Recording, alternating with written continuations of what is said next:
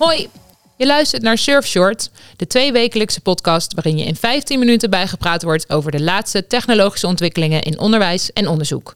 Mijn naam is Sanne Koenen. In deze aflevering wat je moet weten over Mastodon met Vladimir Mufti, programmamanager publieke waarde bij Surf. Leuk dat je er bent, Vladimir. Dankjewel. Hoe was jouw eerste keer op Mastodon? Ehm, ja, toch een beetje zoekende. Uh, dat was spannend. Dat was ook mijn eerste keer inderdaad. Maar uh, het is toch uh, anders dan, dan anders. Ja, nou daar gaan we het over hebben vandaag. want wat is het eigenlijk?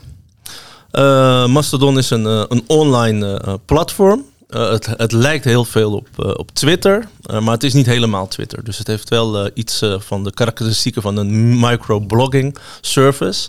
Dus korte berichtjes die je de wereld in kunt sturen aan je, aan je aan je connecties, aan je vrienden, aan familie, aan uh, studiegenoten. Um, maar daar houdt de vergelijking wel een beetje bij op, want er zijn ook verschillen. Uh, uh, de technische opzet is heel anders. De technologie van Mastodon, er is echt iets spannends mee aan de hand. Het, het is decentraal en een Fediverse, dus dat is heel mooi vanuit een technisch perspectief. En dat zorgt er weer voor dat ook het gebruik anders is. dus als je kijkt naar Twitter, dat is, um, daar kun je heel goed zoeken. En dan kun je heel veel uh, zaken volgen. Dat is op Mastodon uh, net iets anders. Dus dat is niet beter of slechter, maar dat zorgt wel voor een ander gebruik. Dus je moet bijvoorbeeld heel gericht zoeken. Um, dat is op Twitter niet zo. En op Twitter zie je bijvoorbeeld dus dat je heel veel zaken op je timeline krijgt. Um, soms opgedrongen, soms een algoritme, soms vanuit commercie. En dat soort onderdelen zitten ook niet in Mastodon. Dus daar krijg je wat je zelf wilt. Ja, je gaf net al aan, het is echt een hele andere uh, technologie. Het is decentraal uh, uh, georganiseerd. Kun je daar wat meer over vertellen? Uh, ja, uh, dat, het, is een, uh, het is techniek, maar het is wel eigenlijk van belang. Want door die techniek krijg je eigenlijk een heel ander gebruik. Nou, wat je je moet voorstellen als je nu een, een klassieke dienst hebt, of een klassieke website, hè, neem even LinkedIn of Twitter, dan heb je gewoon één plek, één URL. Daar ga je met z'n allen naartoe. En met z'n allen is letterlijk de hele wereldbevolking. En je logt in en je hebt daar één grote bak en je komt daar in één database. En vanaf daar werk je verder. Nou, en het gekkige met decentrale toepassingen um, is dat je niet één Mastodon server hebt, maar dat het er duizenden zijn. En die duizenden zijn allemaal met elkaar gekoppeld. Maar je hebt wel een plekje nodig, wil je op dat netwerk komen. Dus Mastodon is niet een bedrijf. Uh, het, zijn, het, is een, het is een netwerk, het is een geheel van uh, servers. En omdat je op één plekje toegang hebt, kun je bij al die andere servers ook komen. Dus zie het een beetje als e-mail. Het is een, misschien een beetje een platgetreden vergelijk. Maar je hebt een e-mailadres van Gmail, Live, Hotmail of je werkgever of Access for All of Ziggo. En daarmee kun je niet alleen maar met Ziggo-klanten of alleen maar met Gmail-klanten communiceren. Je kan met iedereen communiceren, zolang je maar een e-mailadres hebt. Nou, diezelfde opzet is er ook met Mastodon. Dus je hebt een plekje nodig om het netwerk op te komen en vervolgens ben je in contact met de hele wereld. Wat daar mooi aan is, is dat plekje wat je kunt krijgen, daar kun je je eigen gebruikersregels op stellen. Dus eh, wat wel en wat niet. Um, dat kun je niet bij centrale um, uh, diensten, hè, dat bepaalt gewoon de eigenaar dat. Dus je kunt nu met je vriendengroep, met de tennisvereniging of met je onderwijssector, kun je zelf bepalen van welke sfeer wil ik hier nou hebben. Dat is een, een, een, belangrijk onderdeel. Je kunt de privacy settings zo scherp of zo losjes als je zelf wilt, kun je instellen. Dus er is heel veel zelf in te stellen en te bepalen. Um, en dat, ja, dat vind ik ja, typische waarden die je in onze sector graag ziet terugkomen. Om zelf in controle te zijn en niet aan de hand van een big tech bedrijf alleen consumeren. Maar zelf na te denken hoe zou je het liefst zelf zo'n omgeving willen inrichten. En dat kan je heel, kun je heel goed doen als je dat decentraal doet. Wat heb je er eigenlijk aan als gebruiker om te zeggen, hey, daar gaan we actief zijn? Um, dat is voor iedereen verschillend. Hè. Het, het schurkt aan tegen uh, sociale media. En uh, nou, daar kun je natuurlijk heel veel over discussiëren. Van, uh, is sociale media, wil je dat überhaupt wel in het onderwijs? Of wordt, is sociale media een soort van corporate media geworden? Is dat wel wenselijk? Ik denk dat het uitgangspunt is dat er gewoon ja, heel veel nou, studenten, medewerkers, onderzoekers op die sociale media zitten. Die kunnen daar dingen doen die ze twintig jaar geleden niet konden. je kan heel snel kun je, met elkaar in gesprek. Je kunt resultaten delen, je kunt opinies vragen. Uh, je kunt elkaar wijzen op uh, mooie ontwikkelingen. Vroeger kon je dat ook, maar dan moest je één keer in de maand, één keer in het half jaar in een magazine iets publiceren. Misschien kwam jouw onderzoek een keer op tv. Dus dat social media heeft heel veel kracht gegeven, ook internationaal, om dat te delen. Um, dus, dus die gebruikers die zitten er al op. En ze waren ook best tevreden op, op, op Twitter. En er zijn ook gebruikers die nog steeds tevreden zijn. Ook gebruikers die tevreden zijn met TikTok. Of met Facebook of met LinkedIn. Dus die tevredenheid is er wel. Um, maar we denken dat er ook wel ruimte is, juist nu, om nu je ziet dat je zo afhankelijk bent van een bedrijf, in dit geval als voorbeeld Twitter, die um, wat voor velen een communicatiekanaal is, als je het heel, uh, heel uh, theoretisch bekijkt. Dat je dus afhankelijk bent van een communicatiekanaal waar je helemaal geen zeggenschap over hebt, maar waar je wel op vaart. Um, en nou, dat, dat heeft toch wel, hoewel Mastodon aan zich al langer bestaat, hè, vanaf 2016 ongeveer, um, heeft toch wel bij veel mensen, juist in onze sector, de ogen geopend van hé, hey, dat, zijn we wel nog wel, uh, samen, zitten we wel nog achter het stuur of zijn wij slechts uh, passagier in, in, een auto van Twitter die elke kant op gaat waarin zij willen. En dat is dus, um, nou, dus wel de belangrijkste reden om te zeggen: moet je als sector ook niet gewoon zoiets hebben, een communicatiekanaal? In dit geval is het een, um, een, een, een, dienst gelijk aan Twitter, mm -hmm. um, maar dan wel onder onze eigen controle. En onze eigen controle is dan hè, de controle van de sector. Want doordat je een eigen server hebt, een eigen Twitter-server zeg maar, Um, kun je zelf de regels bepalen en kun je zelf kijken wie je toelaat en kun je optreden bijvoorbeeld tegen bots of spam of reclame of mensen die de boel uh, komen verstieren. En wat nu ook al onze gebruikers uh, uh, zeggen, is dat ze een hele andere grondhouding zien op dat platform. Dus het is veel constructiever. Um, mensen hebben natuurlijk veel minder gebruikers tot hun beschikking of kunnen ze als peers vinden dan op Twitter, waar je natuurlijk gewoon letterlijk de hele wereldbevolking zou kunnen. Uh, kiezen of volgen. Dat is bij Mastodon nu nog veel kleiner.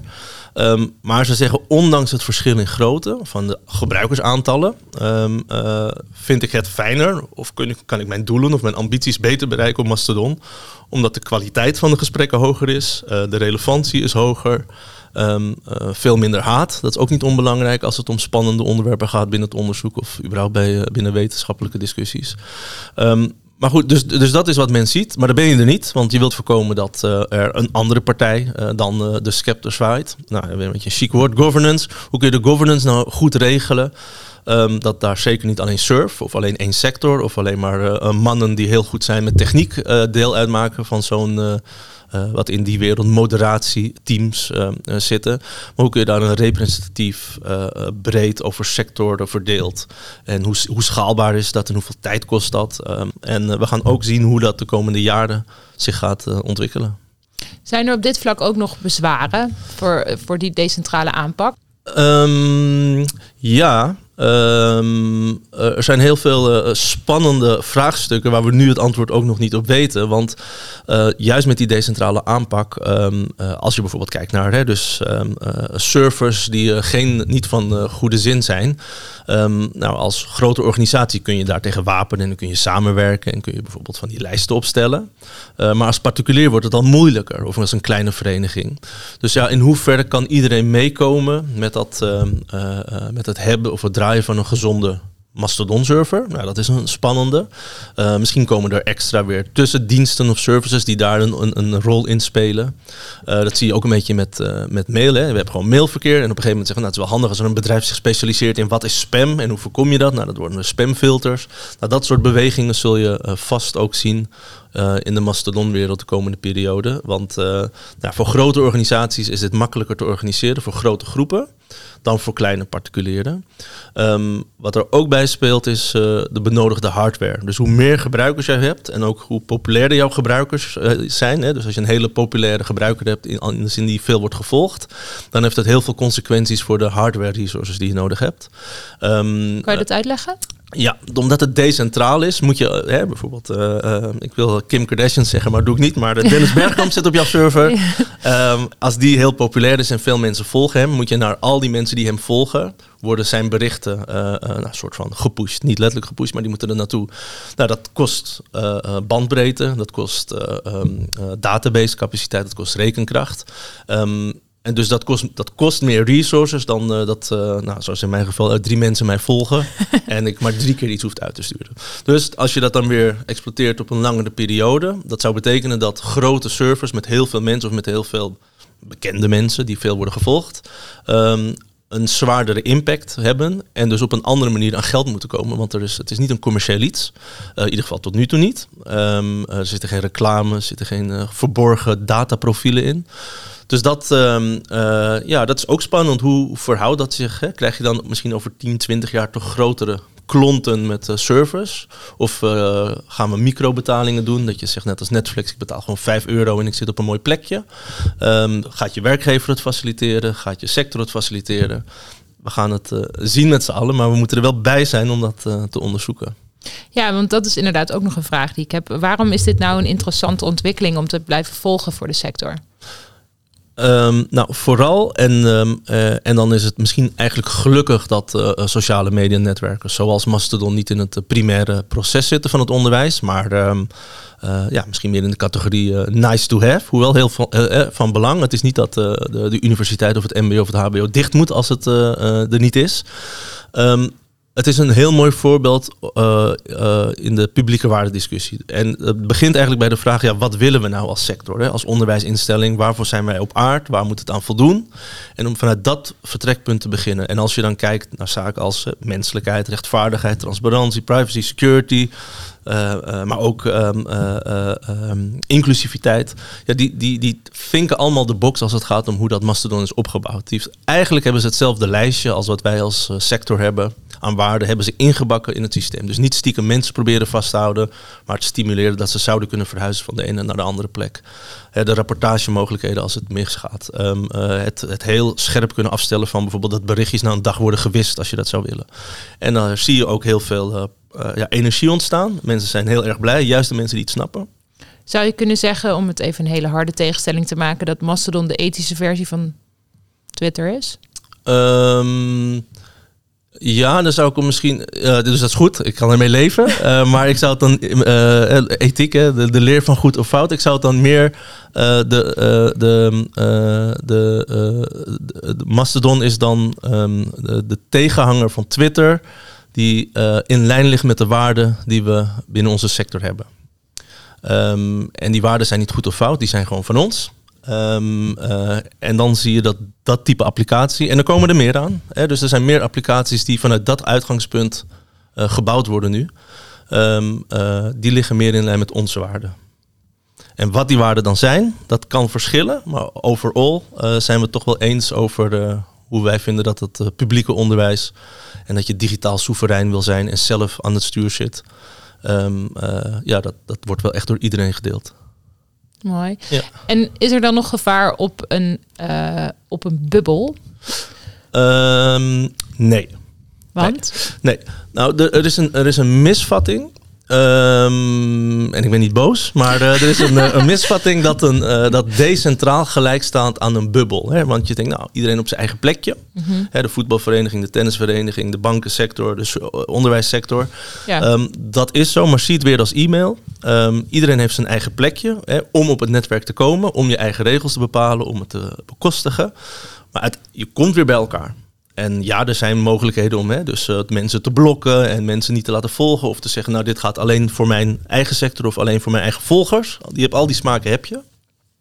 Maar decentraal staat niet gelijk aan in je eigen bubbel. Decentraal is een andere architectuur hoe je die technologie aan elkaar vastknoopt. Gebaseerd op open standaarden, met open protocollen. Uh, maar dat betekent niet dat je in je eigen bubbel zit. Juist niet, het maakt het juist sterker om uh, uh, je niet te laten overlopen door andere bubbels of schreeuwers of pestkoppen of noem het maar op.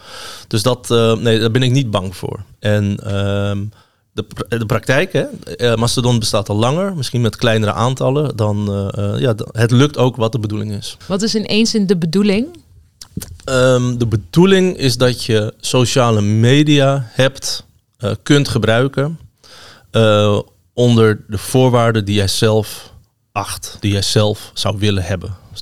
Ja, en dat is de kracht van Mastodon. En dat is de kracht van Mastodon. Ja. ja. Oké, mooi, duidelijk ook. Ja.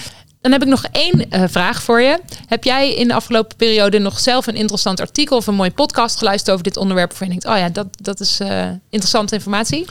Um, ja, twee en ook op twee verschillende niveaus. De eerste is eigenlijk uh, Mastodon in 180 seconden.